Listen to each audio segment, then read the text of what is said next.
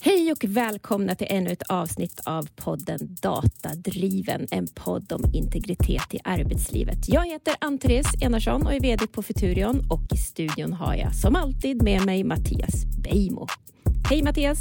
Hej, hej, hej. IT-expert och kunnig på området. Men idag så har vi en särskild gäst med oss också i studion. Carolina Brånby från Svenskt Näringsliv. Välkommen Carolina!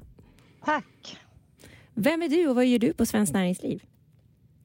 Ja, jag jobbar med eh, något som vi kallar digital policy. Jag ansvarar för det sedan fem år tillbaka och eh, man skulle kunna säga så att vi följer egentligen det som är ny lagstiftning inom det digitala området. Eh, så vi följer EU-kommissionens arbete väldigt nära och vilka initiativ som tas där för att försöka på riktigt så gott det går bevaka hur regler formas, det som kommer styra både digitalisering och företagens möjligheter, konkurrenskraft och såklart hur man eh, arbetar tillsammans med sina medarbetare. Så att du är väl orienterad på allt det här som är vårt nya guld med, med andra ord, data. All, som... Allting är relativt, men visst. Ja. men hur skulle du säga att den digitala utvecklingen den senaste tiden har så att säga påverkat närings, näringslivets, dina medlemsföretags förutsättningar och villkor om du skulle beskriva det kort? Ja, våra 60 000 medlemsföretag har ju ganska olika situationer, mm. särskilt nu eftersom sa på senare tid, för nu är det ju covid-19 och eh, väldigt annorlunda läge ute hos företagen. Eh, det är sånt fokus just nu, både mm. på att överleva men också givetvis på att digitalisera och klara möten, klara vårda sina kundrelationer och komma ut och kommunicera digitalt. Så det är spännande att diskutera det här just nu i, här, i den här tiden. För visst har vi alla fått eh, vänja oss på en ny nivå vid att eh, kommunicera digitalt. Mm. Men om man ska se det på lite längre tidsperspektiv innan vi hade den här krisen som vi är mitt uppe i nu eh, så är det klart att ehm, mycket har ju förändrat sig för näringslivet för, för, vad gäller förutsättningar och villkor. Eh, om man går tillbaks de eh, senaste två decennierna så har det hänt otroligt mycket. Och går man tillbaks ytterligare lite så får vi komma ihåg att internet kom 1995 så att det är ju det är verkligen en ny verklighet. Den digitala verkligheten fanns ju inte tidigare på det här viset som vi upplever nu. Eh, och eh, det har ju medfört att väldigt mycket eh, alltså förutsättningarna har ju förändrats väldigt mycket. Inte minst för vilka affärsmodeller som funkar. Eh, företagen har ju i många sam sammanhang en plattform som mellanhand innan den når sin kund till exempel. Eh, vad gäller mer den, de inre, eh, alltså hur det har förändrats, vad det är man arbetar med, så är ju tjänstifieringen väldigt stort. Att produkter kombineras med tjänster allt mer och det här möjliggörs ju av all ny teknik Ehm, som i sin tur är avhängig att vi har en bra digital infrastruktur till exempel. Ehm, men en stor möjlighet, för du nämnde ju lite specifikt där vad gäller eh, relationen kanske till medarbetare eller överhuvudtaget arbetsmarknaden eh, så är det ju fantastiskt vad vi har för möjligheter genom digitalisering att förbättra arbetsmiljön och ta bort ännu fler tunga, repetitiva, slitsamma arbetsmoment till exempel. Och sen så inte minst, det är både problematiskt men viktigt att öka säkerheten på arbetsplatserna. Jo, och där kommer jag lite osökt in på min andra fråga, för säkerhet kan ju så att säga se lite olika ut. Och om vi tittar på det som tekniken ger vid handen idag, det vill säga en enorm datainsamling som går att, att göra. Man kan lära känna sin kund eh, väldigt, väldigt, väldigt eh, noggrant och, och eh, så även sina medarbetare är ju lätt att skaffa fler data och man kan kartlägga och man kan liksom eh, skaffa sig mer kunskap på olika sätt. Eh, och så. Hur, hur, eh, hur skulle du säga att det nya guldet eh, så att säga förvaltas idag? Vad har man för an, man, använder personuppgifter, inte minst var ju omvälvande för ett par år sedan där vi fick nya, eh, nytt förhållningssätt till hur vi hanterar kunskapen om medarbetare och, och kunder. Vad, vad innebär det idag för företagen skulle du säga? Ja, men jag, jag skulle nog säga att eh, just det här att kartlägga, man måste verkligen hålla isär vad som mm. är syftet med att kartlägga. För att inga företag som jobbar effektivt och rationellt håller på att kartlägga för kartläggandets skull av flera anledningar. Men när det kommer till hur man hanterar sina medarbetares personuppgifter så är ju det väldigt styrt i GDPR som du nämnde. Eh, och det är klart att det finns en problematik hur mycket man kan göra med data som rör medarbetare. Eh, och problematik menar jag då för att man kanske vill öka säkerheten till exempel på, på arbetsplatsen. Mm. Då hamnar man inte i anställningskontraktet, då behöver man kanske ett kollektivavtal att stödja sig på som rättslig grund eller så behöver man samtycke från, från den anställde. Men där har vi också problemet med att eh, Datainspektionen har sagt att är man i beroendeställning så funkar det inte med samtycke. Så att, eh, samtidigt så säger EU-kommissionen e och European Data Protection Board att eh, vi kan behandla våra medarbetares personuppgifter om vi ger ett alternativ till bearbetning av personuppgifterna. Eh, men just nu är det lite osäkert. Vi saknar praxis, det är inte helt tydligt. Mm. Det finns ju enorma möjligheter både generellt att använda personuppgifter men det som behövs är att man använder det smart och givetvis korrekt enligt GDPR för annars har man inte vunnit någonting. Ehm, och sen att man, eh, att man förstår att använda det på klokt sätt och försöka att verkligen vara noggrann med att följa principerna GDPR. Och de är ju bland annat att man ska ha ett specifikt ändamål och man ska använda, man ska spara uppgifterna så kort tid som möjligt. Och sen är det också bland annat en, ett, ett krav på att du har tillräcklig säkerhet och det gör ju både vad gäller anställda och vad gäller dina kunder att, att du, du måste ju vara väldigt seriös i hur du behandlar personuppgifter oavsett om det är mot kund eller medarbetare. Mm. Mattias, eh, du har ju dels driver du egna företag men, men eh, du, du också hjälper företag mycket med, med de här frågorna. Vad reflekterar du kring det som Carolina berättar? Ja, GDPR existerar ju därför att det ska på något sätt skapa, sätta ett lagrum kring mänskliga rättigheter egentligen. Det integritetsskydd som man kan förvänta sig finns ur ett mänskliga rättigheters perspektiv. Det ökade dataanvändandet eh, både i, utanför arbetslivet, i samhället i stort eh, och inom arbetslivet gör ju att eh, människor blir mindre och mindre medvetna om, om mängden data som samlas in eftersom datamängden som samlas in inte alls är i paritet med den information de får eller den kunskap de har om hur den här datan används. Och tar man GDPRs principer om till exempel eh, privacy by design, alltså att man när man tar fram system som är till för att till exempel i konkurrenssyfte analysera eller optimeringssyfte analysera hur väl de anställda arbetar eller mm. att man analyserar eh, till exempel kommunikationen mellan anställda i en callcenter med de som ringer in till callcentret så ska ju de här systemen enligt artikel 25 i GDPR de ska ju designas med integritet in mind. Det är alltså rätt ur lagtexten. Och mm. om, man, om man tänker sig det och jag tittar på de applikationer som finns där ute och de sätt de används så är det väldigt långt från både förarbetena till GDPRs artikel 25 och hur den är utformad. Eh, så där finns både i Sverige och i andra länder inom EU en extremt lång resa i att närma sig vad, vad den här lagstiftningen egentligen är avsedd till. Och för arbetstagare i Europa och inte minst i Sverige så har eh, digitaliseringen kanske inneburit vissa fördelar, men för deras arbetsmiljö och deras integritet i arbetslivet så har det varit katastrofalt. Mm. Eh, jag är en stor propagent och har levt ett helt yrkesliv med digitalisering. Men eh, just i det här avseendet så är det en extremt dålig situation för arbetstagaren. Mm. Men, Vad intressant. Ja, men eh, få höra dig Karolina, tycker du att skyddet liksom, för integritet, är det, är det Nej, lätt att jag, efterleva? Jag, jag, måste bara, jag måste bara mm. dela upp det lite, mm. för det är klart om vi, om vi pratar eh, mer avgränsat just om relationen mm. till arbetstagare så finns det väl en hel del att säga. Eh, Privacy by design, det jag har hört från våra medlemsföretag upprepat både innan GDPR för, äh, trädde i kraft men även mm. efteråt.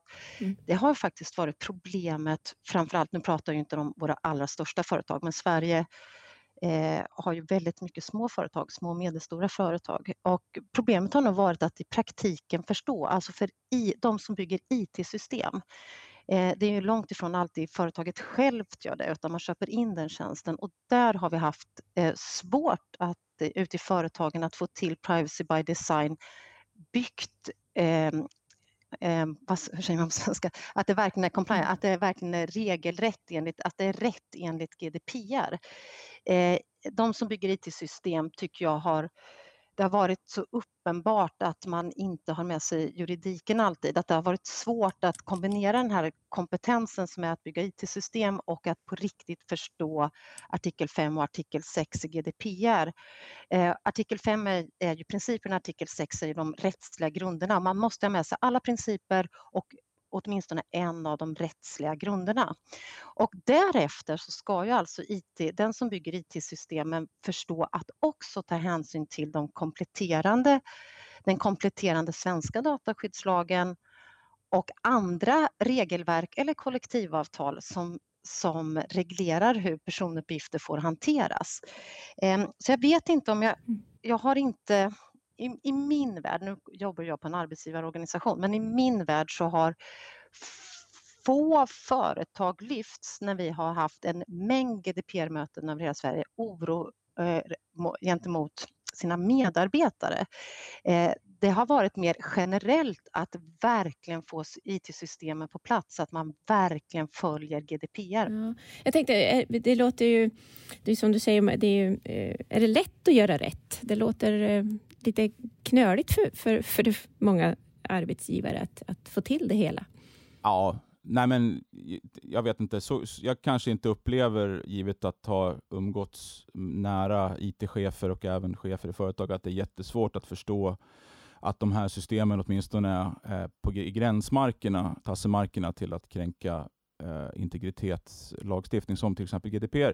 Så det kanske jag inte tycker är jätteklurigt för dem att räkna ut. De förarbeten jag eh, pratade om, det är till exempel Recital 78 Um, om det nu kallas för... Du menar skälen, förlåt. Ja, okej, okay, ja. bra. Mm, ja. Mm, ja, ja. Mm. Den är, Recital 78 är ju väldigt tydligt och det tycker jag jag kan rekommendera alla att läsa. Det blir ju väldigt, som, som Andreas inte vill att det ska bli här tekniskt, men, men, men det är väldigt bra Vi får skrivning. länka den Ja, vi ska länka till den. Det är jättebra formuleringar där om just privacy by design och, och, och hur absolut. det liksom ska finnas med.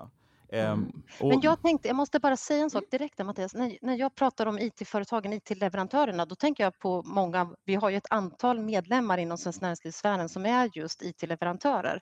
Och eh, jag, jag, menar mer bara eh, hur komplicerat det har varit att förstå lagstiftningen. Vi mm. som sitter som är jurister tycker inte det. Vi kan nog till och med tycka att det är ganska enkelt om man kan sin artikel 5 eh, och artikel 6, eh, för det är den viktiga grunden. Men det är inte så lätt alltid ute i verksamheter och när jag pratar om IT-leverantörer då kanske jag inte pratar om de stora amerikanska drakarna som levererar eh, tjänster, för de kan sin sak, de är superproffs på det här, utan jag tänker på de som IT-företagen som kämpar och sliter och, och bygger system runt om i Sverige. Ehm, eh, och kanske ja, både, både försöker hjälpa företag och också får direkt uppdrag av företag att, att lösa det tekniska så att man lever upp till privacy by design.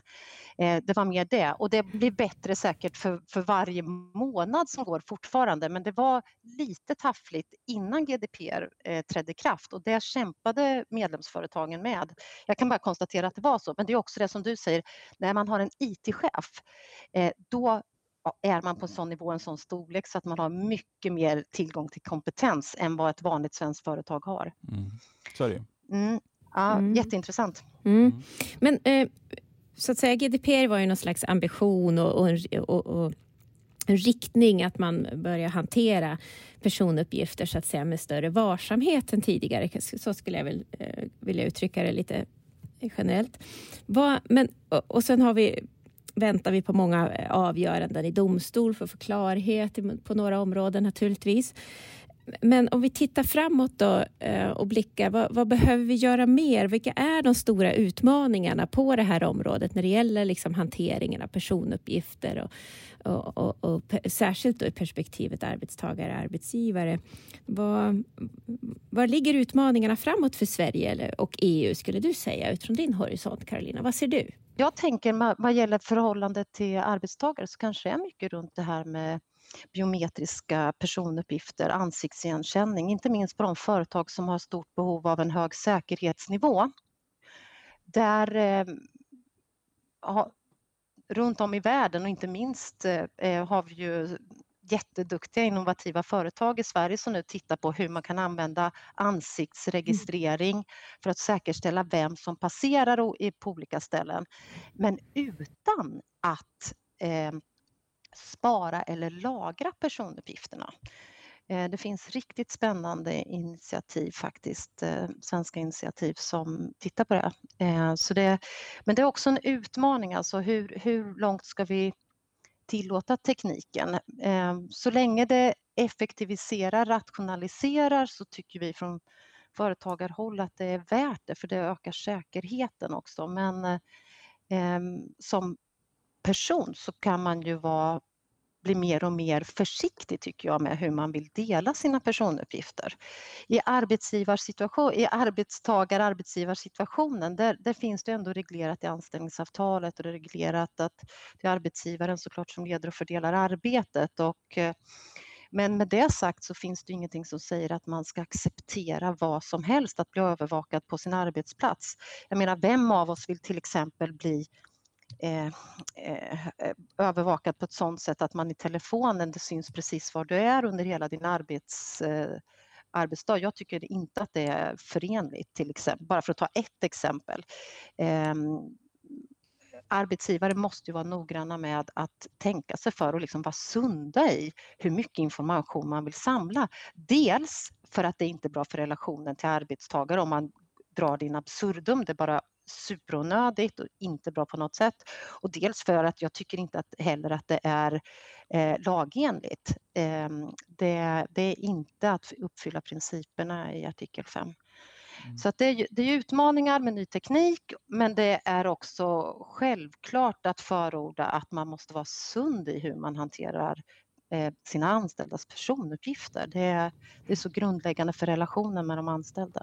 Mm. Ja, för att haka på det, tilliten, jag håller med, det, det är ju tilliten som du nämnde tidigare. Vi har varit inne på det tidigare när vi har haft mm. andra gäster och sådär. Tilliten mm. är återkommande och den mm. håller nog på att det är den också som i, i, i, livet i stort när det gäller digitala utvecklingen med Facebook, Cambridge Analytica etc. Man eroderar tilliten mellan, mellan företag och användare i det fallet kanske och, och i det här fallet då arbetstagare och arbetsgivare. Mm. Men det här, mm. och jag vill också haka, haka i det här du säger att amen, GDPR, den här avvägningen mellan ett, ett rättmätigt intresse för arbetsgivaren, du nämnde säkerhet flera gånger till exempel, mm. det kan vara att, att stärka konkurrenskraften. Mm. Det, där upplever ju jag eh, att det absolut inte finns nog med eh, övervägande ens hos många arbetsgivare. Alltså, finns det ett annat sätt att göra det här på för att inte gå emot GDPRs liksom formuleringar om det här avvägandet? Finns det ett annat sätt att optimera vårt sätt att arbeta eller, eller att eh, veta vad de anställda känner och tänker istället för att läsa deras mejl och annan konversation? Finns det, alltså det, det, finns ju många sätt som man kan mm. göra istället för att köpa in ett system som är ett slags allseende öga, eh, vilket ju görs mm. mer och mer idag. Mm. Um, en bra arbetsgivare läser inte till exempel sina anställdas mejl. Jag, eh, jag är bestämd på att man har inte ens rätt att göra det, de privata. Däremot att man öppet eh, har information till sina medarbetare vad som kan komma att användas av det som de har i sina arbetsverktyg, det vill säga kanske en mobil, en dator eller en iPad eller vad det kan vara. Det, det är ju viktigt att det fungerar, men arbetsgivaren får ju bara göra det som... Det, det är ju en av principerna, öppenhet, alltså mm. principerna GDPR. Du ska vara informativ, du ska berätta helt öppet vad det är du gör, hur du behandlar personuppgifterna. Mm. Eh, och det gäller ju definitivt för till exempel hanteringen av mejl. Eh, sen så tror ju jag att vi alla som eh, personer har ett eget ansvar och det är allt ifrån eh, Eh, hur vi agerar på sociala plattformar till hur vi använder mobilen som ägs av vår arbetsgivare eller vad vi skriver i mejl på jobbdatorn. Eh, där tror jag att vi har eh, påbörjat en vandring där vi alla är mer restriktiva. För eh, 10-15 år sedan så använde man kanske verktygen mer eller mindre som privat egendom. Men jag, jag, känner att i det här med ökad medvetenhet om hur data kan lagras, analyseras, ju mer restriktiva tycker jag att vi blir som personer, att vi förstår vårt eget ansvar, att det är inte läge att dela eh, uppgifter hur som helst, varken på sociala plattformar eller i det som är våra arbetsredskap. Eh, och, det, och jag kan också tänka privat på min dator privat att, eh, att eh, det, det, är liksom viktigt med säkerheten. Jag, jag, vet att jag nämnt säkerhet många gånger men, men någonstans så tycker jag att det är liksom en sån grundläggande drivkraft också, eh, inte minst för företag, att man värnar säkerheten. Säkerheten vad gäller både säkerhet i IT-systemen men arbetsmiljön för sina medarbetare. Det är så grundläggande i vad man, vad man har för relationer på mm, arbetsplatsen och, och hur man också får till den där den, den, goda arbetsplatsen där man också har förmåga att eh, som medarbetare att, att bidra och komma med nya lösningar eller, eller också ha så högt i tak så att man vågar säga det du var inne på Mattias att vad är egentligen mest rationellt? Är det att ha en ansiktsigenkänning eller en loggbok eller vad det nu, det kanske var ett dåligt exempel, men, men just att ha en, en öppen kommunikation mellan eh, arbetsgivare och arbetstagare. Det, det känns som i ett modernt land som Sverige så är det ändå för mig självklart. Mm. Sen kanske inte funkar i alla lägen, men det, det är definitivt det som de flesta, tror jag, strävar efter. Jag hoppas det. Mm. Ja. Det, det är, ja, äh, öppen kommunikation är ju jättebra, men det finns ju ett inneboende kraftförhållande mellan en arbetsgivare och en arbetstagare som man Absolut. inte kan bortse ifrån. Och Det är också därför som det liksom mm. inte räcker med att säga, att informera och säga att men du vet ju det här, skriv under avtalet nu. Det är därför också, mm. som du var mm. inne på tidigt, att det juridiskt mm. sett, eh, och också både som man säger, etiskt sett inte är tillräckligt heller. Nej, det, nej, utan information tar oss bara så långt. Eh, och, mm. Jag skulle vilja ställa en fråga, för det är intressant, du, du nämnde arbetsmiljö. Eh, mm. Som en, eh, så så mm. din syn är att dataanvändandet eh, och hanteringen som sker arbetsgivare och arbetstagare emellan, det är en arbetsmiljöfråga således?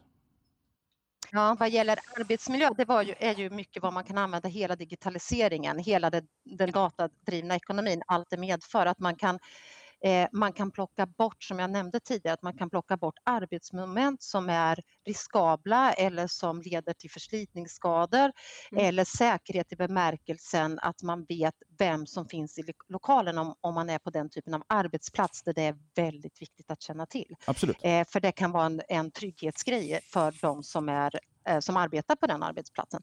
Där menar jag arbetsmiljö. Ja, jag är helt enig med dig. Vad gäller arbetsmiljö, i det som du var inne på nu så tänker jag kanske att, det, att där måste man ju vara observant för det kan vara positivt från vissa exempel där som jag just drog med, med datahantering. Men det är klart integritetskränkande.